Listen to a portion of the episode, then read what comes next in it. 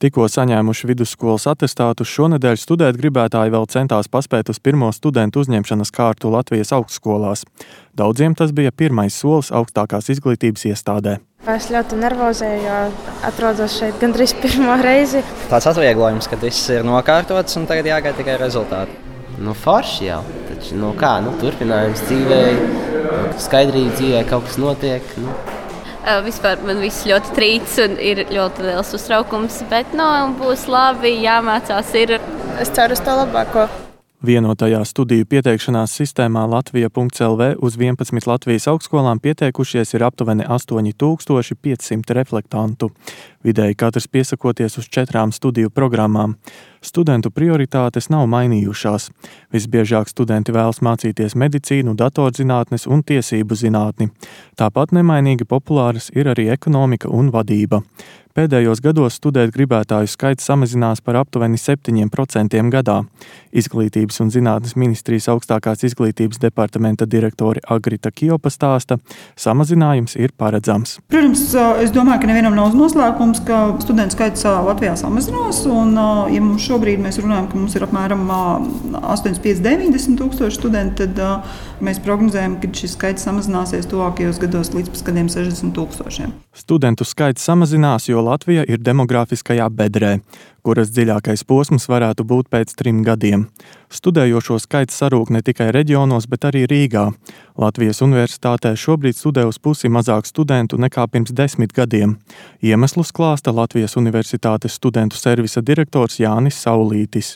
Viens no galvenajiem aspektiem ir tas, ka ļoti daudzi cilvēki mācījās gan priekš otrā grāda, jā, kas deva tādu papildus apjomu, īpaši sociālās zinātnēs. Un, um, tā tad uh, šis kontingents laika gaitā atbīra. Ja, jo tie, kuriem vajadzēja, tie samācījās. Uh, vēl mums bija ārvalstu filiāle, kas faktiski universitātei arī piesaistīja. Tur, nu, es tagad ļoti aptuveni minu 7, 8 tūkstošu studentu tajā pašos biezākos gados. Par spīti kopējā studentu skaita samazinājumam, salīdzinoši nemainīgu studentu skaitu izdodas noturēt Rīgas Tehniskajai universitātei. Ar gandrīz 15,000 studentu tā ir mazliet priekšā Latvijas universitātei. Pieteikumu skaita ziņā gan Latvijas universitāte arī šogad ir populārākā. Vienotajā uzņemšanas sistēmā joprojām nepiedalās Rīgas Stradiņa universitāte. Tās pārstāvji skaidro, ka pašu uzņemšanas sistēma ir lētāka gan augstskolai, gan studentiem, turklāt tā ir labi rezultāti. Rīgas Stradiņa universitātē šogad pieteikušies ir 2400 reflektantu, par ko priecājas Rīgas Stradiņa universitātes studentu servisa vadītāja Indra Treja. Stradiņa universitātē šīs um, vasaras pieteikšanās periods ir bijis ļoti veiksmīgs. Mēs esam saņēmuši vairāk um, pieteikumus nekā iepriekšējā gadā, un pēdējo piecu gadu laikā mums katru gadu pieaug reflektantu skaits. Tas ir ļoti iepriecinoši, ņemot vērā demogrāfisko kritumu, kāds vispār ir valstī. Pēc ekonomikas ministrijas prognozēm Latvijas ekonomikai būs vajadzīgi eksakto zinātņu speciālisti. Savukārt humanitārijās un sociālajās zinātnēs ir pārprodukcija. Valsts jau vairākus gadus mudina studentus izvēlēties eksaktās zinātnes, piešķirot tām vairāk budžeta vietu. Agrita Kijopa no izglītības ministrijas gan uzsver, proporcija lēnām izlīdzinās. Ja 2008. gadā sociālās tiesību un humanitārās zinātnes studēja gandrīz četras reizes vairāk studentu nekā eksaktās, šobrīd uz katru eksakto zinātņu studentu ir divi sociālo tiesību vai humanitāro zinātņu studenti. Teiksim, 2000. gadu sākumā mums bija ļoti liels studentu skaits, kas mācījās dažādās uzņēmēju vadības zinātnēs un pedagoģijā, un tam bija dažādi iemesli. Teiksim, bija prasības no darba devēja puses, kad ir jābūt augstākai izglītībai, vai teiksim, cilvēki meklē sev jaunus, jaunu pielietojumu, jaunus veidus. Bet tad šobrīd varētu sacīt pēc tiem cipriem, ko mēs redzam, mēs redzam, ka tas vismaz arī izlīdzinās un ka tā proporcija mainās. Arī, protams, mēs saprotam, ka tas ir arī mūsu darba rezultātā ar augstskolām, jo mēs jau gadiem esam augstskolām virzījuši bijušas šo te tendenci palielināt proporciju eksaktajām zinātnēm. Eksaktās zinātnes iesaka studēt arī darba devēji.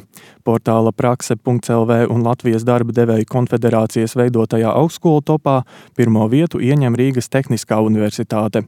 Savukārt programmu topā divas pirmās vietas ieņem datorzinātņu programmas, kuras arī šogad ir starp pieprasītākajām. Rīgas Tehniskās universitātes studiju departamenta direktore Ilze Birzniece uzskata, ka tieši darba devēju novērtējums iespaido studentu izvēli. Priecājamies, ka arī skolēni novērtē šos darba devēja ieteikumus un darba tirgus tendences. Arvien vairāk izvēlas nāk pie mums studēt eksaktās zinātnes. Tas ietekmē kopumā arī sabiedrības domu un attieksmi un veicina izpratni par to, ka šīs tehniskās zinātnes un uh, arī matemātikas, fizikas, ķīmijas priekšmeti skolās, ka tie ir svarīgi, lai arī nevienmēr tie ir viegli, bet tie ir svarīgi un tie ir būtiski Latvijas tautsājumniecībai. Lai gan datorzinātņu un medicīnas programmu kursos auditorijas solās būt pilnas, par savu pirmo prioritāti eksaktās zinātnes studenti izvēlas retāk nekā sociālās.